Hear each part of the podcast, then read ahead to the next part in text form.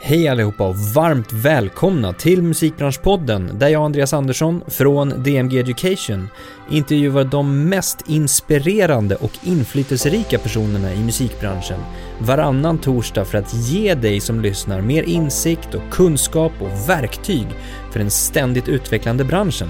Dagens gäst är ingen mindre än Michel Kadir som idag jobbar som Vice President för Artist Services på Sony Music. Michelle är en riktigt inspirerande och härlig person som började sin resa i musikbranschen genom ett examensarbete som tog henne in på Universal. Hon började senare jobba på Spotify i ett väldigt tidigt skede och var en av nyckelpersonerna inom produktutvecklingen och även intåget på den amerikanska marknaden. Häng med i ett riktigt bra avsnitt när vi pratar om allt från hur majorbolag idag jobbar och tänker till ledarskap och till the new era of the music business. Vi kör igång! Michel Kadir, varmt välkommen till Musikbranschpodden. Tack så mycket. Mår du bra? Ja, jättebra. Kul att vara här. Jättekul att ha dig här. Um, när man gör lite så research på dig innan, du har ett ganska researchvänligt namn till skillnad från mig själv. uh, man hittar inte riktigt mm. mig. Men, men, när man gör det så hittar man alltså ord som så här supertalangen, framtidens ledare, Spotify-veteranen, lämna toppjobb, frontlinjen. Alltså det är ju extremt stora ord. hur, liksom, hur känns det att, att vara i ett sånt sammanhang? Mm. Jo men det känns ju såklart jättehärligt att ha sådana attribut tilldelat. Um, sen så är det ju ofta så när man, när man tänker på sig själv så går man inte omkring och funderar på sig själv på det sättet. Nej. Uh, men uh, det är klart att man, man blir ju alltid smickrad när uh, det dyker upp sådana typer av fraser. Mm. Men det, och, och, det måste ju ändå säga om man utvärderar så har du ju någonting med det du gör att göra. Alltså mm. det du har gjort och sådär. Ja men hela min karriär liksom så har jag eh, arbetat med det som har hänt i musikindustrin. Från det att eh, ja, eh, det var en CD-bransch som eh, liksom totaldippade till eh, liksom hela problematiken. Vad skulle nästa sätt att konsumera musik vara och hur skulle det kunna gagna artister och kreatörer? Till att vi nu är här. Så att det är det jag har jobbat med och det har hänt så otroligt mycket. Eh, och jag skulle säga att musikbranschen är definitivt en av de främsta branscherna som har digitaliserats och eh, digitaliserats först helt enkelt. Så att det hänger ihop med det. Mm, härligt. Vi kommer in på det lite mm. längre fram. Men jag, jag vet ju att du är precis som jag uppvuxen i Sollentuna, norr om Stockholm. Ja. Vart i Sollentuna? Eh, mina första 12 år bodde vi i Helenelund. Okay. Eh, och därefter flyttade vi till Norrviken. Ja. Så att jag har bott lite överallt i Sollentuna. Härligt, det är nästan eh, lika norrut som jag, ja. från Rotebro. Ja, men det var där jag gick i skolan. Okay. Så jag känner mig mm. väldigt bevandrad i Rotebro och mm. även spelade fotboll i Rotebro. Ja, ah, Rotebro IS. Jajamän. Ja, ah, mm. men det har jag också gjort. Massa, massa år. Ja, kul. Um, men om vi, vi hoppar till idag då och, och skippar fotbollen för nu, mm. eh, för det är ju trots allt musik vi ska prata om. Mm. Vad gör du nu för någonting i musikbranschen? Mm. Så jag driver ett team som heter Artist Services. Och det teamet då kan man säga är allt det som sker när en artist ska släppas och lanseras. Så det gäller, man kan säga artistens team helt enkelt är mitt team. Allt ifrån eh, contentskapande till eh, partnersamarbeten som Spotify, Apple, YouTube till varumärkessamarbeten, till all PR, all marknadsföring. Liksom allt som sker vid en lansering egentligen är, eh, ja, men det, det är vårt team då som jobbar på. Mm. Och det, för det är väl en ganska ny liksom, eh, avdelning, kan mm. man kalla det för det? Mm. men den startades ungefär ja, men två och ett halvt år sedan och var en eh, sammanslagning av vår digitala avdelning och av vår marknadsavdelning. Eh, vi kände att, eh, att ha en digital avdelning kändes liksom ganska snabbt förlegat på ett sätt för att hela bolaget jobbade med det digitala. Mm, allt var digitalt. Ja. Allt var digitalt. Så att, att slå ihop digitalt och marknad till liksom en gemensam avdelning som har ett, ett tydligt fokus och det är artisten eh, och dess lansering kändes givet. Och var det liksom självklart, för du jobbade med digitaliseringsdelen mm. innan det då eller? Precis. Ja. Och digitaliseringsdelen på något sätt när, särskilt då i Norden eller Sverige, eh, konsumenten liksom hittade till streaming mycket tidigare än resten av världen. Och för några år sedan så kände vi att det där är inte en problematik längre att överhuvudtaget få folk till en streamingtjänst. Det är inte där utan nu handlar det mer om hur når du ut genom bruset. Mm. Så att göra om där lite och sätta fokus på det eh, var viktigt för oss. Och det är ju lite, det är lite så att de, de tidigare åren har handlat mycket om så här, hur får du konsumenten att skifta sitt beteende. Nu handlar det mer om kreatörerna, Mm. så fokus på dem. Mm. Vi kommer komma in lite mer på Sony också, men jag, jag måste erkänna, jag är väldigt imponerad av dig. Jag, eh, det känns som att du, du bara kör, men på ett väldigt genomtänkt sätt ändå. Tack. Stämmer det? Det var snällt sagt. Ehm, ehm, ja, det kanske stämmer. Eh, jag har inte tänkt på det på det sättet men eh, att jag bara kör, absolut. Jag är ju väldigt eh, driven både vad gäller liksom mig själv och min egen utveckling men också det jag jobbar med och vad jag vill att det ska liksom åstadkomma och nå. Jag, jag, jag drivs ju av resultat. Eh, de typen av resultat som är viktiga, eh, som jag ser är viktiga. Och sen så genomtänkt, jag menar, jag, jag gillar inte att ta höga risker men jag gillar samtidigt eh, att våga. Så det är väl någon kombination där av att, att ha driv men ändå genomtänkt driv på något sätt. Så att, eh, ja men det stämmer väl på det sättet. Genomarbetad eh, riskbedömning. Ja men kanske Eller? så. Ja men det är väl en bra, bra sätt att säga det. Något sånt. Mm. För du, ehm, du kommer ju från en bakgrund i, inom Spotify Ja. till exempel. Du pluggade på KTH innan det, Ja. vad jag förstår. Ehm, men du började ju jättetidigt på Spotify, när Mm. ni var liksom ett tiotal va? Ja, 30. 30 var ni, Mm. okej. Mm. Hur, hur var den resan då? Att gå liksom direkt från eh, skola till en startup? Faktum är att jag hade, jag var på Universal Music innan eh, Spotify. Just det. Ehm, så det som hände var då att jag, jag pluggade på KTH och eh, mitt sista år var en, en eh, inriktning ihop med Handelshögskolan. Och där fick vi gå olika föreläsningar eh, inom affärsutveckling och media. Och eh, dåvarande vdn för Sony Music kom och föreläste för oss och pratade om liksom, hur ska vi göra med framtidens musik eh, för att vi ser vår CD-försäljning totaldippa, vi vet att konsumenten är på alla pirattjänster online och laddar ner musik där, vi vet inte riktigt vad vi ska göra och avslutade med att jag vill ha tre personer som ska skriva sitt examensarbete om det här. Och det var lite där jag, jag fann eh, vad jag ville göra. Och så att jag skrev det här ex, eh, examensarbetet med två till och därefter ledde det ett jobb på Universal Music där vi startade upp den digitala avdelningen. Eh, och när jag då satt på den digitala avdelningen på Universal Music så var det entreprenör efter entreprenör som kom och pitchade idéer på hur man skulle ja, men, rädda musikbranschen. Och en av dem var ju då eh, Spotify eh, produkt, alltså det var ju Daniel Ek som presenterade Spotify. Mm. Och på den vägen började jag jobba på Spotify. Just det. Så att jag var på Universal innan Spotify, så det Mm. var inte direkt från plugget. Ehm, och börja på Spotify var ju, det var en alltså, unik tid måste jag säga. Som, som inget annat jag säkert kommer uppleva igen. Eller man vet aldrig vad som händer. Men, men väldigt, väldigt speciell tid på det sättet att ehm, man liksom andades Spotify och, och jobbade stenhårt för det. Eh, jobbade dygnets alla timmar och blev också väldigt nära, man blev ju liksom supernära vänner allihopa.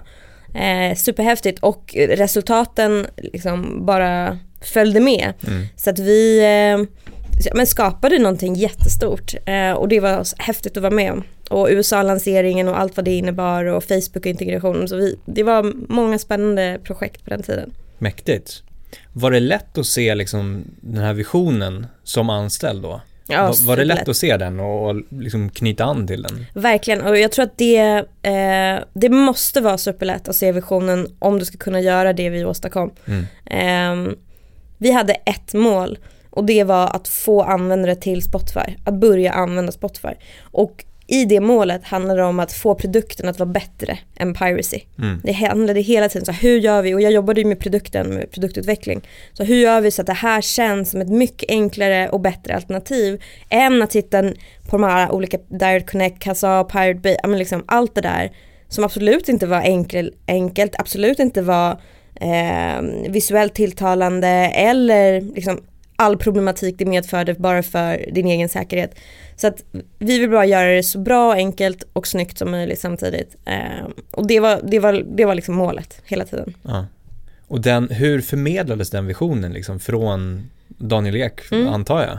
Ja men, eh, ja, men liksom på alla sätt och vis eh, bara tydligt och jag menar, han var en del av oss. Ja. Det var inte så att han var en frånvarande person som eh, vi hoppades på att få ett mail från. Utan han var ju där. Mm. Visionen skapades av oss tillsammans. Mäktigt. Har du läst boken Spotify inifrån? Ja.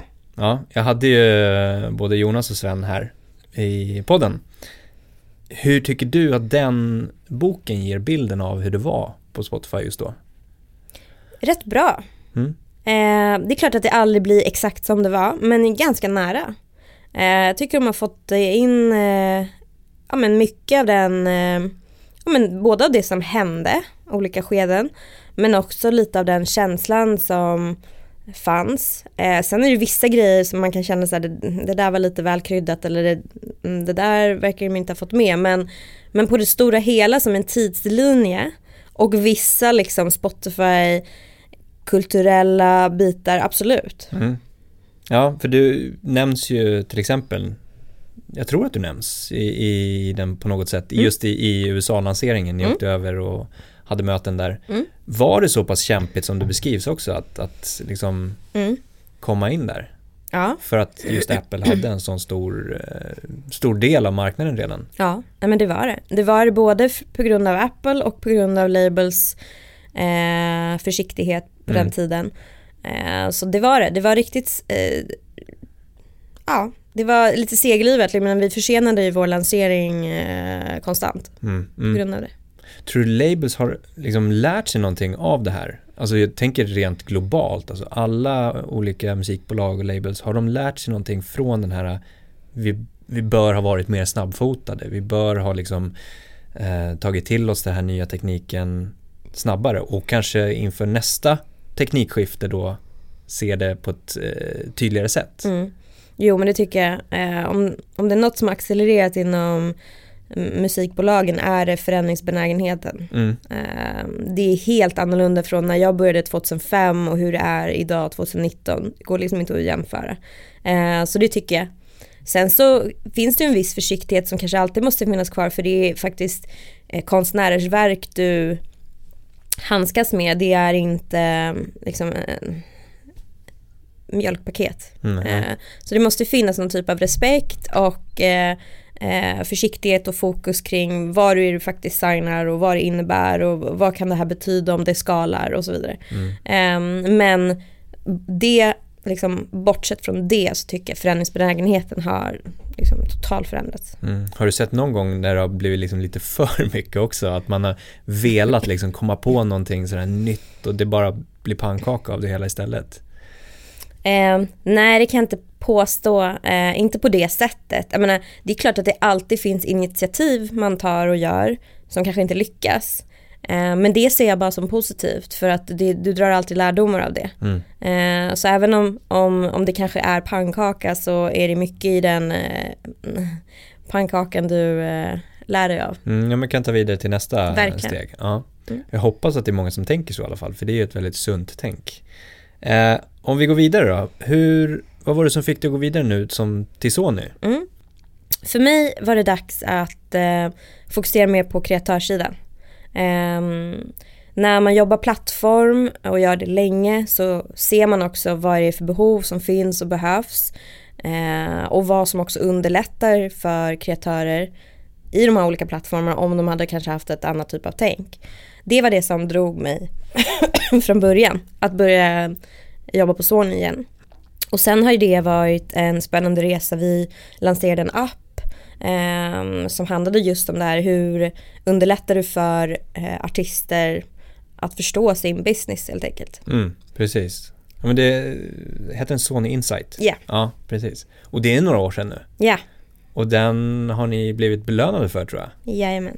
Som liksom lite innovationspris eller? Ja, den fick typ Best Music App i en innovations eh, ja, tävling eller vad man ska säga. Ja. Hur nu då? Är det två, tre år sedan den lanserades. Ja, den lanserades ju 2016. Ja. Precis. Ja men exakt, Mm. tre år sedan då. Mm. Vad, vad har ni fått för liksom respons på den nu? Är det som att det har blivit en implementerad standard hos er på något sätt? Alltså det är en standard med den typen av datan, Mm. eh, definitivt. Sen så har den appen levt vidare genom att eh, blivit ett globalt projekt. Så nu, eh, den appen kommer väldigt snart lanseras i hela Sony-världen. Mhm. Så vi utvecklar inte den längre utan den liksom utvecklas från eh, våra headquarters nu. Mhm. Eh, så det är jättekul att liksom, det blev på något sätt en inspiration till att det här ska vi göra hela världen över. Verkligen. Ja, för det känns som att det kommer, det föds ju lite nya innovativa både startups och idéer och eh, avdelningar och labs eller vad man ska kalla det för just hos labels och musikbolag. Mm. Eh, för att hålla sig i framkant. Men eh, okej, då, då började det på Sony. Hur, hur gick den processen till? Liksom, transaktionen från Spotify till, till Sony? Eh, nej men det var Mark Dennis som också har eh, pratat i den här podden Mm. som hörde av sig en dag ehm, och sa ska vi inte ta en lunch och självklart ska vi göra det och sen pratade vi och så förklarade han hur han tänkte och att han gärna skulle vilja att jag började där och sen hade vi diskussioner kring det i några månader och sen så bestämde jag mig. Okej. Var det ett lätt beslut eller var det liksom lite tufft att lämna Spotify-familjen? Alltså jag brukar säga att det nog var ett av de svåraste besluten jag tagit i mitt liv. Eh, för att alltså jag nästan likställer det som att det var typ svårare att säga upp sig från Spotify än att typ göra slut med någon man varit ihop med väldigt länge. för att det var liksom på den typen av nivå, de banden man hade. Ja. Ehm, så det var ett jättesvårt beslut, men när jag väl hade tagit det så kändes det rätt och efter det har jag inte tänkt att det borde ha varit annorlunda. Nej. Var det, var det någon specifik del som så vägde över att, ja ah, men ja, jag kör. Men det handlade mycket om ehm, där och då vad jag kände att jag ville göra. Jag ville ha en mer snabbrörligt team. Mm. Eh, för att det som händer är när vi växte från att när jag lämnade Spotify var vi 2000 personer. Och det som händer är att när du är 2000 personer det blir en helt annan typ av ehm, process kring Mm. allt du gör. Självklart är det så. För att du är ett så pass stort bolag och du har så pass mycket att ta hänsyn till och så vidare. Och jag kände lite att jag fortfarande hade den här hungern och driven i mig att jag ville göra eh, snabbare liksom förändringar. Och det var därmed den här appen som vi byggde på åtta månader. När jag väl började på Sony.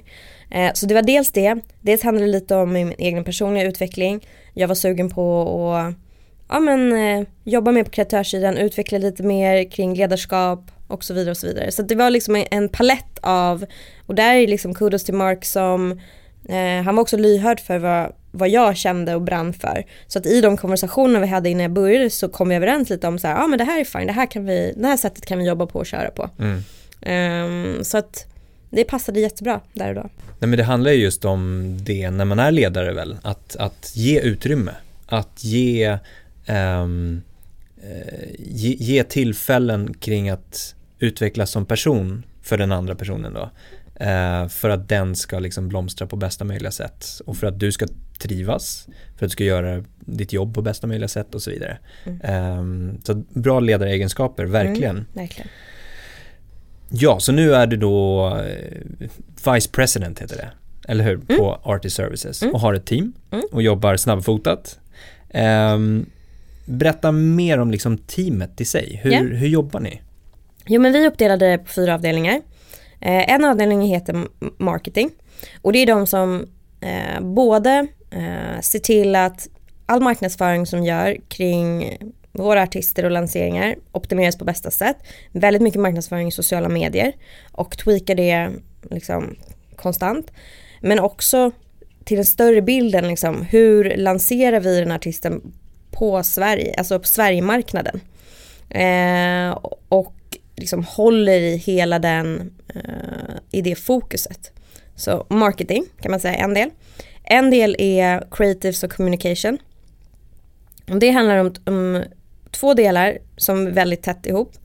Där man både är skaparna, Mm. de som skapar innehållet kring allt. Och det kan vara allt ifrån den visuella identiteten, så vi har liksom AD som jobbar på det, till vad det är för typ av eh, content, innehåll. Eh, allt ifrån trailers, eh, hälsningar till musikvideos. Eh, och vi har en egen studio, eh, en content studio där vi kan skapa mycket av det här innehållet. Eh, och givetvis jobbar vi väldigt mycket ute på fältet.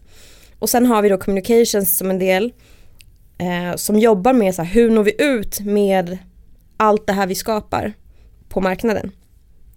PR eh, kan man säga, eh, så förstår alla, men liksom hur, men den nya typen av PR där man faktiskt jobbar tätt ihop med innehållet, liksom, hur får vi ut Mm. det här innehållet på bästa sätt så att det skär igenom bruset. Ehm, så det är avdelning två.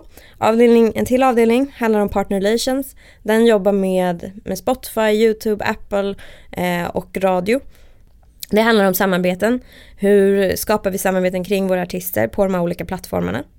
Sen har vi vår fjärde avdelning Brand Partnerships Mm. som handlar om varumärkessamarbeten eh, mellan artister och varumärken och för att maximera liksom, en artistkarriär. Mm. Jag tycker det sammanfattar lite så här, artist services. Ehm, det är ju artisten ni ska serva. Mm. Alltså det är ju den Exakt. som är kreatören, det är den som, ehm, utan den så finns ju inte ni. Eh, det Precis. finns ingen business. Och det är väl lite det som har hänt känns det som de senaste åren. Att musikbolagen har behövt ta den rollen och visa lite mer varför finns vi? Eh, och speciellt kanske majorbolagen, att varför ska du som artist signa till oss när du kan göra det själv? Du kan spela in det själv, du kan släppa det själv i en aggregator eller liknande. Ehm, hur tycker du att det har förändrats lite grann från liksom, ja men vi säger eh, när du var på Universal då, Mm. innan Spotify-tiden till och med. Mm. Hur har liksom musikbolagens roll ändrats till idag? Ja men eh, den har ändrats jättemycket, absolut. Ehm, idag när vi eh, jobbar kring våra artister och dess liksom, material, det handlar så mycket om att du måste ha ett team. Och du kan göra det själv, som du nämnde, du kan spela in musik och du kan släppa den eh, via do it yourself-plattformar. Men faktum är att hur får du personer där ute att höra din musik, att se din musik, att intressera sig, engagera sig och att skapa fans. Och där behöver du ett team. Om ditt team är eh, dina polare, om det är en reklambyrå, om det är en, en plattform eller om det är ett musikbolag. Ärligt talat, det spelar ingen roll. Men du behöver ett team. Och där kan jag säga att som ett musikbolag är det teamet bäst lämpat, både strukturmässigt, resursmässigt och erfarenhetsmässigt, att kunna vara ditt bästa team. Mm. Och det är där skillnaden är idag. Och, och det hänger väl oftast också ihop med liksom ehm, när vi pratar med studenter och artister som vill signa så vet de inte egentligen varför de vill signa idag. Förut var det ganska självklart att man ville signa för att få spela in och få släppa musiken. Mm. Eh, idag vet man inte riktigt varför man vill Mm. signa utan det, det är liksom, ja men signa ska liksom det högsta målet sådär. Mm. Ehm, men det handlar inte om det utan det handlar om att sätta ihop den bästa, de bästa partnerserna, de bästa teamet för mig som kreatör eller mig Precis. som artist.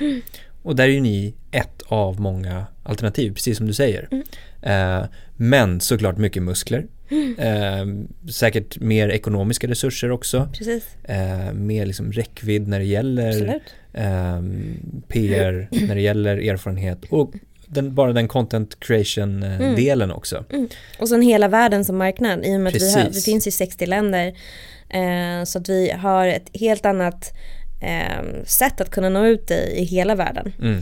Och jag tror att det är de här bitarna som, dels är det på vårt ansvar att bli bättre på att artikulera det här. Eh, och det tycker jag att vi har blivit. Eh, men också eh, tycker det är viktigt att när det är mycket, mm, mycket snack där ute om musikbolagens hit och dit och de här ska ta över och allt möjligt. Och det har ju liksom varit så länge nu så man, man blir lite sömnig av det. Men det viktiga där är att förstå att nej, det handlar inte längre om distribution. Det kan, det kan vem som helst lösa på vilket sätt som helst. Det är jätteenkelt. Exakt. Så det är inte ens en fråga längre, det är en icke-fråga. Ja, Det handlar om hur du skapar den bästa förutsättningen för en artist att kunna ha en karriär med det de gör. Mm. Hur man får konst att leva där ute och nå till fler människor. Och det är inte vem som helst som kan göra. nej. För det, hur många låtar är det? Du, har du koll på det nu, hur många som faktiskt släpps? För det, det sägs Mm. ibland så här, men på Spotify släpps det 40 000 om 40 dagen. 000, ja. och det var någon som sa på alla plattformar 90 000. Mm. Och då gäller det att liksom, du är en av de 40 000 Mm. den dagen. Nästa dag var det helt plötsligt 80 000. Och det kommer alltid finnas exempel där man faktiskt var helt själv, Ja. men det är superundantag. Och att liksom eh, göra gör exempel av undantag för hur en hel bransch ser ut. Det, är liksom, det handlar bara om eh, storytelling i media Mm. än någonting annat.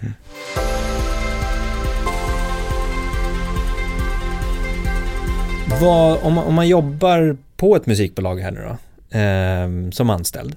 Vad är viktigt enligt dig att man ska hålla koll på? Vad bör man fokusera på? Mm. Ehm, det är en kombination av saker. Ehm, men generellt bör man vara förändringsbenägen Mm. och driven. Eh, man måste också vara väldigt innovativ för att det är ju så att du kan, det är sällan bra att liksom kopiera kampanjer så att Mm, säga. nej, Eller lanseringsplanen. Du ska hela tiden försöka göra om eh, en lansering fast på ett nytt sätt. Ehm, och sen måste man vara väldigt eh, bra people's person. Ehm, alla artister är på olika sätt och man måste kunna handskas med det eh, på bästa sätt. Så att jag skulle säga att det är, det är den paletten Mm. som jag tror är jätteviktig för att kunna lyckas i musikbranschen idag eh, på ett bra sätt. Mm, mm. Men, och, och liksom vad, det här med driv, det kommer ju oftast fram. Man ska vara driven. Hur hittar man det drivet? Är det någonting som bara naturligt bör finnas eller kan man Mm. leta upp det på något sätt tror du? Mm, men absolut, det kan man. Jag tror det, för vissa är det en personlighetsfråga, Mm. att de bara liksom har haft det sedan alltid. För vissa är det att de behöver bli motiverade Mm. och det är ju också väldigt naturligt. Så då handlar det om att kunna vara eh, ett bolag som har väldigt tydliga mål, en tydlig vision och verkligen ett syfte. Eh, och motivera det väl. För att då kommer det här drivet, eller det växer fram ur den typen av eh, målbild, lite likt det som eh, det var på Spotify då syftet var så otroligt tydligt. Mm. Och det måste ju förmedlas uppifrån då, Precis. från ledningsgrupp och Precis. ja. Ehm, om man sådär vill, om man har kommit in på ett musikbolag som en första tjänst till exempel. Man eh, kanske har fått en praktikplats och sen blir erbjuden jobb och känner att man verkligen, verkligen vill ha det här som en karriär och vill klättra på något sätt. Vad bör man tänka på där i liksom stegen man sätter upp för sig själv eller målsättningarna kanske? Mm. Nej men alltså mycket av det som jag nämnde precis. Om du är driven, förändringsbenägen, innovativ, om du alltså, har mycket koll på vad händer världen över, se trender snabbt. Okej, TikTok, det exploderar, vad kan vi göra där? Eh, aha, okej, nej, nu är det den här biten av pusslet som vi måste titta på. Liksom hela tiden vara sugen på att lära sig mer och att vilja tillämpa det på det man faktiskt gör. Mm. Eh, det tror jag är jätteviktigt. Mm. Och har du det, då kommer du automatiskt liksom, eh, komma framåt. Men samtidigt också koppla ihop det med faktiskt den rena businessen. Vad är det som gör att saker går runt och gör att vi kan återinvestera och skapa fler karriärer och så vidare. Exakt. Och kanske inte tro att man ska bli serverade. Ja, Alltså ansvar till exempel. nej, precis. Bara en sån sak som du nämner nu, TikTok, att jag tror på att man kanske kan själv researcha. Verkligen. Eh, sitta hemma på kammaren eller vad man kallar det för och, och testa sig fram, skapa ett TikTok-konto, prova, vad är det som funkar, vad, hur går det till? Mm. Och sen komma med Exakt. idéer väl Ja. liksom på arbetsplatsen. Ja, det bästa som finns är ju när någon i ens team själv har gjort den typen av research Mm, på eget initiativ. Och till det också har en idé. ja, Ja, absolut. Alltså jag är så öppen för att vi kan testa vad som helst. Så länge det finns en genomtänkt idé eh, och syfte, ja, kör. ja. Det finns liksom ingenting då jag skulle säga nej till. Eh, För jag tänker att det kan vara många som tror när man hör det här att man ska komma med nya idéer och Mm. då är det bara att TikTok är en bra ny plattform. Mm. Ska vi inte göra något där? Mm, Något. mm, Men, men sen finns det inget bakomliggande och då tror man att man har fört fram ett värde mm. eh, till liksom teamet eller företaget. Men att istället göra det och komma med något exempel på så här funkade det eller göra research på den här artisten gjorde så, det nådde dit, det gav det resultatet. Vad skulle vi kunna göra? Jo men jag har ett förslag. Det plus det Mm. skulle vara det här. Mm. Så, ja, skapa, göra tror jag också Ja. mycket på. Verkligen. Och när det kommer till att eh, bygga team då, Mm. som du egentligen gör. Det gäller ju, alltså man, man pratar om att bygga team, men man måste ju också jobba med det befintliga teamet, Mm. eller hur? Mm. Om vi tar det istället, alltså Mm. hur jobbar du med det befintliga teamet för att de ska trivas? Ehm, men det är väl några olika verktyg som ehm, är viktiga för mig. Eh, dels handlar det om att ha bi-weekly som vi kallar det för. Det är liksom varannan vecka har man en avsatt tid där man har liksom en one-on-one med personen i sitt team. Man går igenom eh, nuvarande mål och det är också en del av verktygen att man har tre till fem väldefinierade binära mål eh, för ett halvår ungefär. Det kan också vara på kvartals, men vi har på halvår. Eh, där, I de här stunderna, one-on-onesen, går man igenom de här målen, man går igenom, liksom, har du några hinder just nu, finns det något jag kan hjälpa dig med? Eh, hur, för mina team har ju också egna team, så hur går det i dina team, är det någonting där, hur går det med målen där? Eh, där man har den här stunden men också alltid kopplat till de här målen som är avsatta. Det är jätteviktigt. Och sen varje år ha ett utvecklingssamtal där man faktiskt pratar om så här, okej, hur har du som person, du har utvecklats, eh, vad vill, vart vill du nå, eh, nästa gång vi sitter här, vart, var, var, var har du då hamnat, och vad Mm. har du då gjort, åstadkommit. Eh, där man liksom hela tiden har sådana typer av återkopplade eh, samtal, både kring nuvarande projekt men också utveckling, olika intervaller, jätteviktigt. Eh, sen som ledare med befintligt team måste man ständigt liksom motivera och engagera och få folk att känna det här syftet.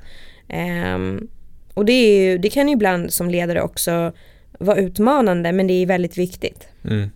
De här målen, är det både individuella mål och företagsmål och avdelningsmål som man går igenom då? Så jag har satt upp det som att eh, man har tre till fem mål som är kopplade till deras affärsområde. Mm. Och sen har man personligt mål på det All och det är valfritt. Ja. Eh, vissa personer vill inte ha personliga mål och det är okej och Ja. vissa vill ha det. Och det behöver inte vara lika binärt. Det behöver inte vara lika, liksom, lika resultatdrivet eller du ska inte kunna säga svart eller vitt, ja du lyckades. Det personliga målet kan vara mer en, en progress som att så här, jag vill bli bättre på att till Mm. exempel. Precis, som är egentligen svår att mäta som Ja. ett tydligt mål. Ja, och det är okej Ja. när det gäller ett personligt mål. Ja. Mm. Och där kan jag tänka mig att det kanske är en liten balansgång fr- från din sida att, att hjälpa till med målen men samtidigt inte, Mm. de ska inte vara dina Nej. utan det ska ju vara den personens mål. Ja men precis. Men Så, att hjälpa till och ge verktyg kanske för att sätta målen. så förbereder alltid och säger så här till nästa gång, kom med några idéer på vad du tycker är bra mål för kommande halvåret. Så jag gör, jag gör också det. Och sen i nästa gång vi ses så har vi båda några egna förslag och sen Ja. kommer vi överens om vilka vi tycker är bäst. Ja, ah, okej. Mm, smart. Du nämnde ju, jag har ju haft eh, Mark här, Mm. din eh, VD. Ja. Eh, hur tycker du att han är som ledare? Eh, jo men Mark är en eh, verkligen bra ledare. Jag skulle beskriva honom som väldigt modern, väldigt inkluderande och väldigt affärsdriven. Vad gäller med modern och inkluderande kan jag bara ta som ett exempel att när både jag och en, en annan ledare var eh, liksom höggravida så eh, gav han oss promotion. Fastän han visste att vi båda skulle vara borta ett år. Eh, och det skulle dröja ett år innan vi skulle kunna ta på oss de här nya rollerna men han gav oss ändå de rollerna. Det tycker jag är fantastiskt. Det skulle inte hända på många andra bolag ens i Sverige. Nej.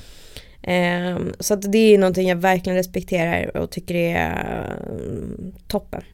Han ser ju värdet i det. Precis. Alltså han ser ju värdet i det för dig. ja, Inte bara empati utan han har liksom en slags eh, eh, medkänsla ja, för, för andra personer. precis. Sen är han väldigt förändringsbenägen. Mm. Ehm, och det gillar jag också. Så han, kan, han kan vara väldigt, han har stark åsikt en månad men sen så är han helt fine med att ändra den nästa månad om det är att han ser eh, ja, men, ett tydligt business case som Mm. visar på att nej okej det är så här det är. Det finns ingen prestige i det för honom Nej. och det tycker jag är bra. Och det är ju många som egentligen håller fast vid den här att säga, nej men det är så. Precis. Jo fast vi ser på svart på vitt att det fungerade inte Mm. så nu så du, vi behöver förändra det, eh, det caset eller beteendet. Men hur jobbar du själv då med ditt egna självledarskap? Ja, jag vill alltid liksom bli bättre.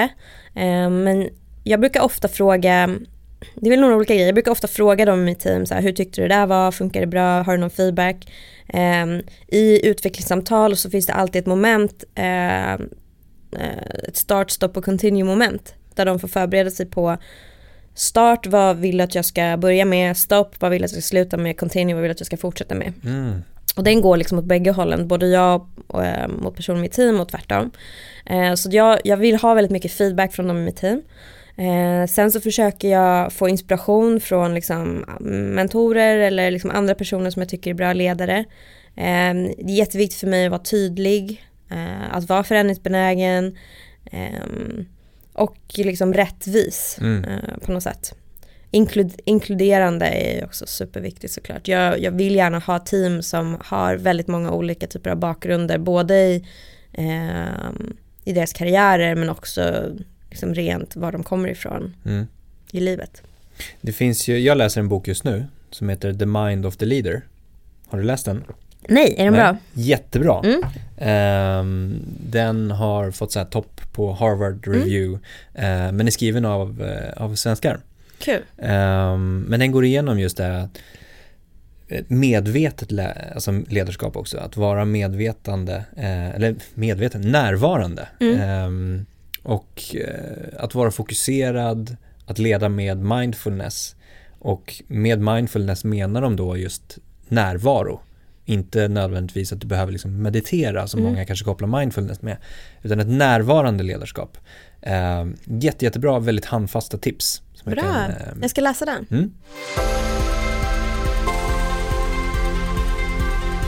Det kan ju också finnas utmaningar tänker jag mig, om, eh, speciellt i musikbranschen, som eh, inte har såna här jättestora koncerner eller jättestora organisationer, utan det, det är liksom vad är ni? Ni är ett 70-tal eller något sånt där Ja. anställda.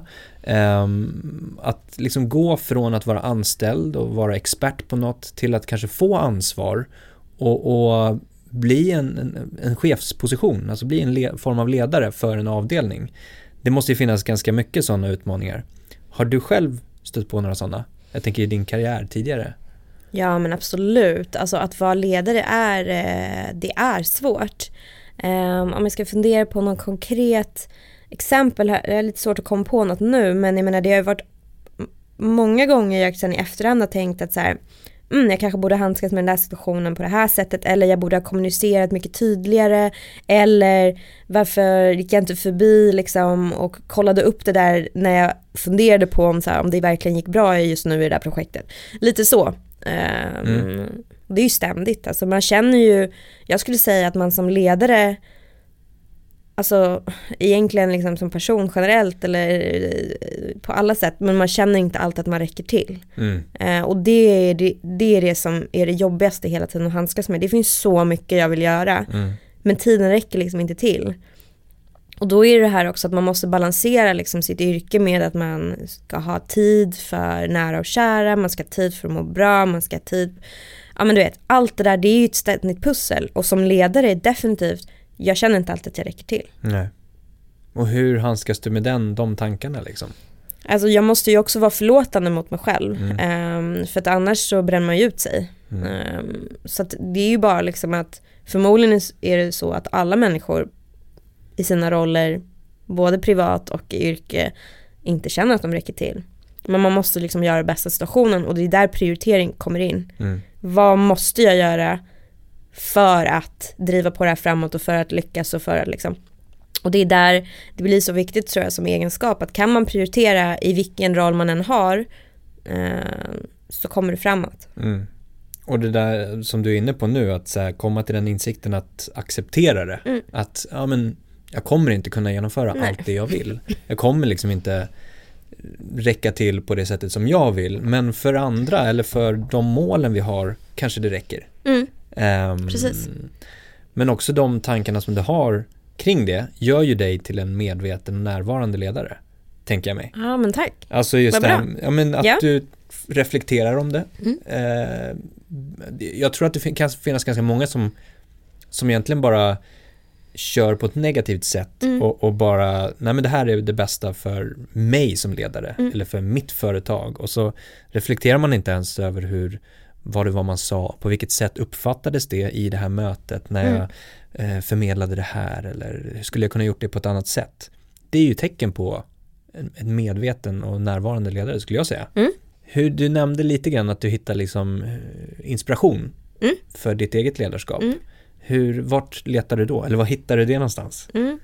Eh, men lite överallt skulle jag säga. Alltså det kan all, vara allt ifrån eh, Ehm, det finns en, en person som heter Rochelle King som idag jobbar på Netflix eh, och vi bo, båda jobbade tillsammans på Spotify under en period och hon blev lite som en mentor. Henne hittar jag mycket inspiration ifrån. Ehm, men det kan också vara bara från allt genom livet. Det kan vara från eh, min bästa vän som eh, jobbar på socialtjänsten i Södertälje och allt det hon liksom handskas med, med, med barn och föräldrar och liksom hur, hur, hur löser man sådana typer av problem. Det kan vara allt från det till eh, faktiskt ren konkret inspiration som man hittar online med olika typer av kampanjer till till en låt, till, alltså det kan vara vad som helst. Inspiration finns överallt, det gäller bara liksom att, att titta och försöka koppla det till vad man själv eh, eh, tampas med. Mm. Och om du tittar på det liksom, som en stor bild då, så här, eh, inspiration, eh, ledarskap, andra personer, vad, vart tror du liksom är ehm, nästa steg? Eller vad, vad är liksom viktigt inom just ledarskap i organisationer? Men jag gillar ju det här du, har pratat om nu om, om eh, närvaro och, och liksom medvetenhet. Men jag tror också att det handlar så mycket om eh, en kombination av eh, det här drivet, förändringsbenägenheten och allt det där men med det här lite mer, också skulle jag säga moderna då, att ha mycket empati, att ha mycket liksom respekt för olikheter och främja det, för det är ju den typen av friktion som liksom ännu bättre resultat kan nås. Att se världen som en, glo liksom en global eh, marknad, att inte stirra sig blint på, liksom, på vår marknad. Menar, att se liksom, ja, på, på det sättet jag ser världen som en, en modern plats som man ska typ, inte anpassa sig till men eh, köra sitt race på. Mm. Eh, I kombination med det, empatin och allt det här. Mm. Eh, det är svårt att liksom baka ihop det till en, en schysst hisspitch-mening men med många av de bitarna. Mm. Jag tänker också så här, eh, andra som kanske ska få den här, vi pratade förut om någon som får ansvar och en chefsposition och ledarposition, ehm, att man har en ganska vinklad och entydig bild av hur en ledare ska vara. Mm. Eh, och så går man in och så försöker man det istället för att hitta sin egna. Exakt, det är också Eh, jätteviktigt. Ja, ja, men jag tror verkligen på det och det, det gäller ju både liksom muntligt, skriftligt, Mm. kroppsspråk, Ja. kommunikation eh, och hela den biten. Att man, så här, subtila ansiktsuttryck, Mm. eh, det går i den här boken igenom lite grann. Just att, att, att är du inte närvarande på ett möte till exempel så Mm. kan subtila ansiktsuttryck uppfattas av den andra, eh, inte medvetet utan undermedvetet, som i sin tur skickar liksom en signal till den personen om att ja, men den här personen är inte närvarande. Mm. Ehm, och det, det är så pass häftigt hur, hur liksom ja, allt sånt hänger ihop. Och det, är kanske jobbigt att höra för någon som vill förändras hela tiden, men det finns så mycket att jobba på. Ja, Och där blir du ju inte klar. nej verkligen. Och då skulle jag som ett handfast tips spela in dig själv när du antingen presenterar eller sitter i ett möte eller liksom och titta på det sen. Jättebra. För att jag har varit med om det eh, vid några tillfällen som, ett, här, som, en, som en personlig utveckling i en ledarskapskurs. Eh. Att man faktiskt fick titta på sig själv. Hur man pratar, ens kroppsspråk, bara hur liksom ansiktsuttryck, eh, vart blicken liksom rör sig, allt det här. Och ma- man blir, man blir liksom chockerad. Mm, Eh, för man ser ju aldrig sig själv så. precis. Och då kan man, när man blir medveten om hur man faktiskt, eh, ja men krasst ser ut eh, i sitt liksom, i sin kommunikation, då kan man också förändra det när man väl har sett det en gång. För då vill man inte, man vill inte göra så igen. Man vill inte gå tillbaka dit Exakt. igen. Nej. Exakt. Ja men det där är ju ett superbra tips för att Mm. jag tror att man har, man oftast har en egen bild om hur man, hur man själv uttrycker sig, hur man ser ut, hur man talar, tonläge, använder eller inte använder. Det vet man väl, jag tror att vi gjorde något sånt i skolan någon gång. Så här, eh, vi fick filma när vi gjorde någon retorikkurs tror jag att det var. Och man blev helt chockerad. Man trodde att man stod och flaxade med armarna överallt. Mm. Men det hände ju ingenting. Nej. Man stod och höll dem längs kroppen så Precis. nära man bara någonsin kunde. Ehm, bra tips. Mm, och sen till kvinnor kan jag säga som tips. Det har visat forskning på att man som kvinna i ett mötesrum eh, pratar mycket fortare än män. För att man liksom undermedvetet inte känner att man eh, får lika mycket tid. Ehm, så att, att som kvinna börja lära sig att bara så här, ta konstpauser, Mm. prata lite långsamt, fundera lite. Så som en majoritet av, av män gör, om man nu ska liksom, prata generellt. Eh, är också ett jättebra tips och det tänker jag mycket på så här. Jag ska prata långsamt. Eh, och ta min tid. För att jag har krasst rätt till den här tiden att prata. Om det är 30 sekunder liksom. Ehm, så det kan också vara ett eh, tips till alla tjejer där ute. Mm. Ja, men, ta ner det för att du, du behöver inte stressa fram det. Nej. Du behöver inte komma till Nej. det så pass snabbt. Nej. Nej. En annan sak som jag såg, jag kommer inte ihåg vem det var, men bara när vi pratar om det nu, är ehm, när du presenterar någonting, ehm, att ha en rak nacke, Mm. var det någon som sa. Mm. Eh, för att har du en sned nacke, alltså lägger du huvudet på sned, Mm. då blottar du nacken och i liksom ett djuriskt perspektiv så betyder det svaghet. För då kan du komma till attack som Exakt. åskådare. Ja, Ja. jag fattar. Och, och på något sätt så, det är väl liksom, det är det här underliga, Ja. alltså undermedvetna. Det är häftigt. Eh, Det är superhäftigt. Mm. Och jag har, sen jag hörde det, så har jag sett en del, liksom iakttagit och sett en del som då presenterar och håller huvudet på lite snisken sådär. Och iakttagit de som har en rak position, vilket ger mer pondus. Pondus. Mm. Jag som åskådare eller ehm, i ett möte eller vad som helst tar till mig det budskapet på ett bättre sätt. Mm. Så jag, jag tror att det är sådana små subtila Mm. grejer som är jättebra att jobba med. Jag, eh, jag har ju såklart gjort lite research på dig då och hittade, du har ju nämnt att om man vill bli ledare eh, så ska man dels vara riktigt bra på det man gör men sen också exponera sig och visa upp eh, att man är riktigt bra på det man gör. Så om man nu är till exempel anställd på ett företag säger vi och vill avancera som vi också pratade om hur, hur kan man visa upp det här rent konkret Mm. liksom? Hur kan man skapa de tillfällena? Mm. Och det är liksom inte jättesjälvklart i vår svenska kultur att Nej. man man vill liksom inte hävda sig. Men jo, gör det. Och jag menar inte på ett, eh, på ett oskönt sätt utan du kan göra det jättesmidigt till din eh, ledare. Bara visa liksom på dina resultat, visa på dina initiativ. För din ledare har fullt upp med så mycket. Men om du visar upp dig kommer du få kommer du vara top of mind nästa gång det gäller en promotion eller vad det nu än må vara. Ett nytt spännande projekt eller en möjlighet utomlands eller vad det än kan vara. Så ta chansen att visa upp dig. Gör det alltid väldigt, nej men gör det, på, gör det på ett härligt sätt och inte på något douchigt sätt. Mm. Utan bara vara väldigt tydligt, visa upp dina resultat. Du kommer vara en top of mind. Mm. Och kanske vara den som räcker upp handen, jag tar det. Om, om, Absolut. om frågan ställs också. Jättebra, alltså den typen av proaktivitet den är tyvärr inte så ofta förekommande som man vill. Nej. Det är väl, jag tänker bara högt nu, Eh, att det kanske har att göra med också att man inte, dels inte riktigt vågar för att man är osäker på om man kan själv. Mm. Eh, men också det här att man inte riktigt ser det långsiktiga värdet i att jag tar mig an det här. Man ser det kortsiktiga och då var det tid som behövde läggas ner på den här nya arbetsuppgiften. Ja, men jag skulle ju kolla den där Netflix-serien i helgen. Då kommer jag inte hinna gå igenom TikTok och lära mig det. Mm. Eh, snarare än att se det långsiktiga, Mm. som du var inne på då. Precis. Mm. Att det här skulle kunna leda till ett avancemang, Ja. en promotion, vilket jag sa till mig själv att jag ville. Ja. Så det handlar väl också om vad du vill Ja. i slutändan. Då. Ja, det handlar verkligen om vad du vill och sen så finns det vissa som är svinnöjda med det de gör och liksom inte vill avancera. Eh, men då handlar det mer om så här, du vill väl alltid utvecklas som person. Mm. Ehm, så att, ehm, ja, definitivt. På din LinkedIn så står det vad du vill göra. Och då står det eh, du vill fokusera på the next era of the music industry. Mm. Och först då, vad innebär the next era? Nej men the next era för mig handlar mycket om att från ett, ett skifte från konsumenten till artisterna. Lite som det vi var inne på förut. Eh, att det har, det har varit väldigt tydligt vad problemet var för tio år sedan. Mm. Det problemet finns inte idag på samma sätt alls. Eh, så vad är utmaningen idag? Och utmaningen idag är att det finns så otroligt mycket content som kommer mot konsumenter och människor där ute. Inte bara musik utan all typ av content. Och hur gör du så att det du jobbar med står ut och når ut? Hur handskas du med den attention spanen som folk har som blir allt kortare?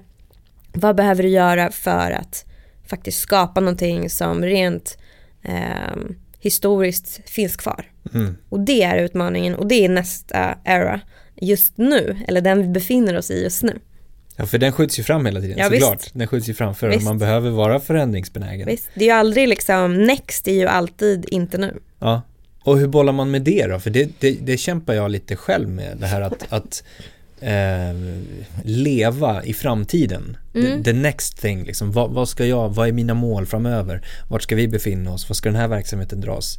Till att faktiskt komma tillbaka och idag göra de, det grovgörat eller det som behövs göras för att ta sig till Mm. det man satte upp för ett år sedan till Mm. exempel. Nej men jag, jag tycker typ att det är nästan till omöjligt att jobba idag med mål om man inte har någonting next. Mm. Att titta på, se fram emot, kämpa för. Mm. Eh, då på något sätt, då skulle jag liksom byta jobb, byta bransch och så vidare. Eh, det måste finnas ett next. Eh, det är för mig jätteviktigt. Mm.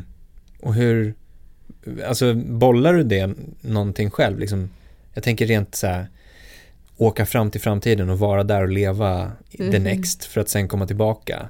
Alltså, hur, men du, hur du bollar tiden tänker jag mig. Jo men absolut, det gör jag. Sen så eh, behöver det inte vara så långt fram för jag tror att det, Nej. är, det är jättesvårt att säga om tio år. Mm. Eh, men bara att, att fundera på närmsta två åren, det gör jag jätteofta för mig själv. Mm. Och det handlar liksom om mig själv på alla plan. Liksom, om två år, vad har hänt då? Eh, och det, det här gäller liksom, jag behöver ofta ha en resa inbokad bara för att kunna ha något att se fram emot i vintermörkret. Ja, men liksom, det är, det är sådana typer av liksom, mål jag sätter upp för mig själv och i, i jobbet. Liksom. okay, om ett halvår borde det här ha hänt eller om två år kanske det här har hänt. Vad gör vi för att antingen förhindra det eller vara med i en del av den förändringen?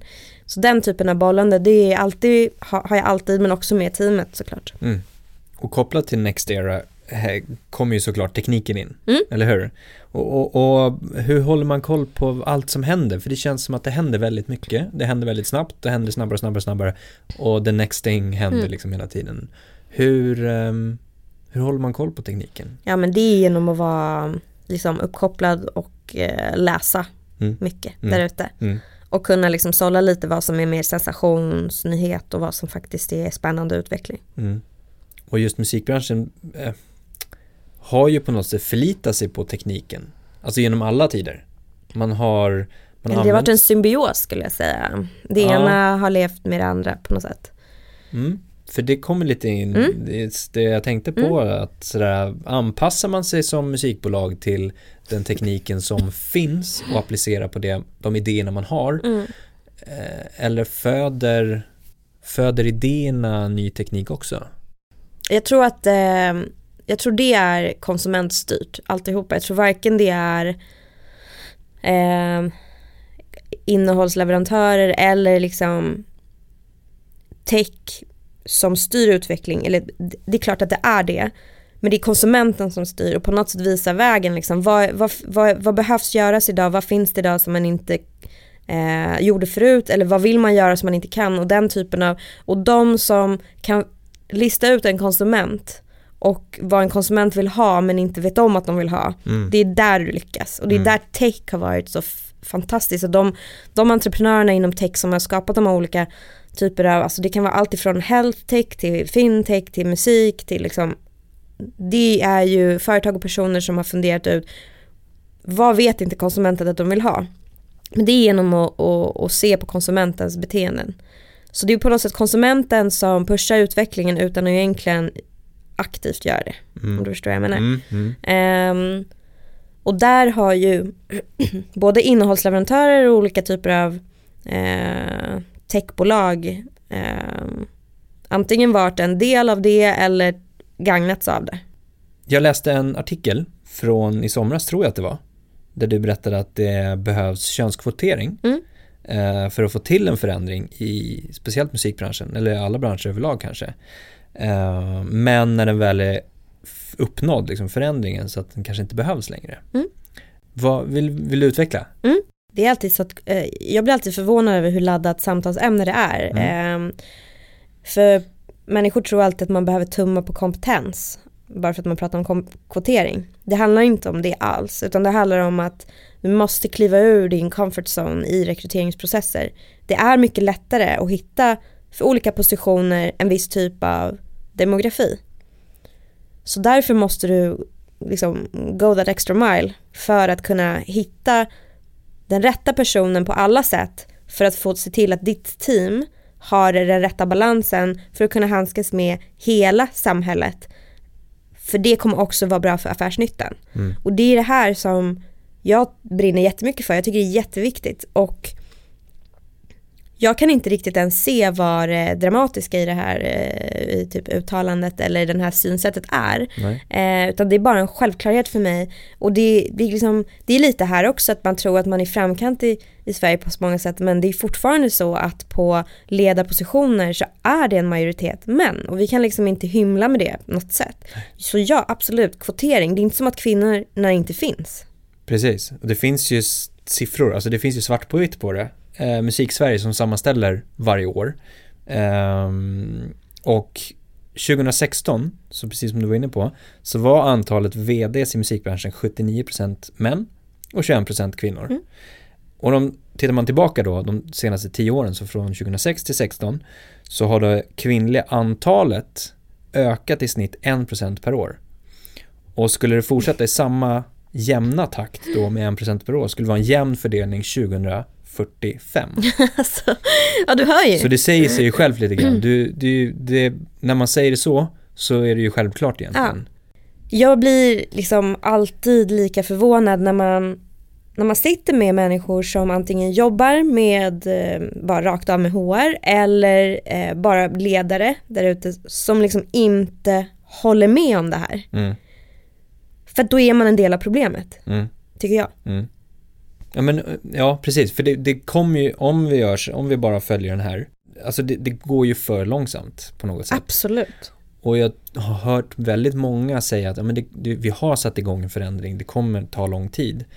Men alltså, det går ju att också lösa på något sätt. Men det kräver ju att andra flyttar på sig. Ja. Det är kanske det som behövs då. Ja. Ja. Det, det, det är liksom det krävs att folk flyttar på sig men det krävs också att de som kan se till att de flyttar på sig tar ett aktivt beslut att det är viktigt med, eh, med den här frågan överhuvudtaget. Mm. Jag blir, eh, blir upprörd när jag tänker på det. Det är bra att, alltså, jag menar att det behöver ju lyftas. Mm. Och inte bara lyftas, det behöver ju förändras.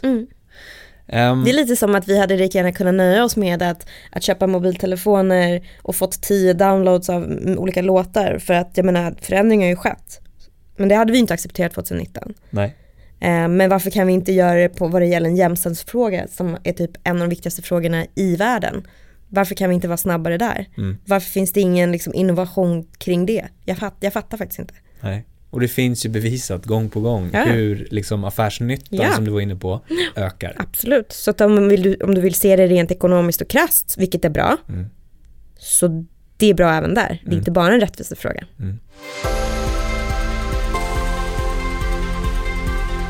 Du, vi ska gå in på lite tips och frågor. Tips och frågor. Vi ska gå in på lite tips.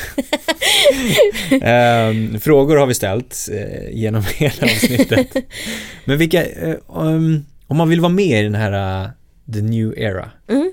vad, vad är dina, dina bästa tips för någon som vill vara med och liksom bidra till det på något sätt? Gör din research, eh, kom idéer, genomför dem, våga misslyckas, nio av tio gånger kommer det liksom inte bli bra, men du kommer lära dig så mycket av det så att den tionde gången kommer du göra succé. Härligt.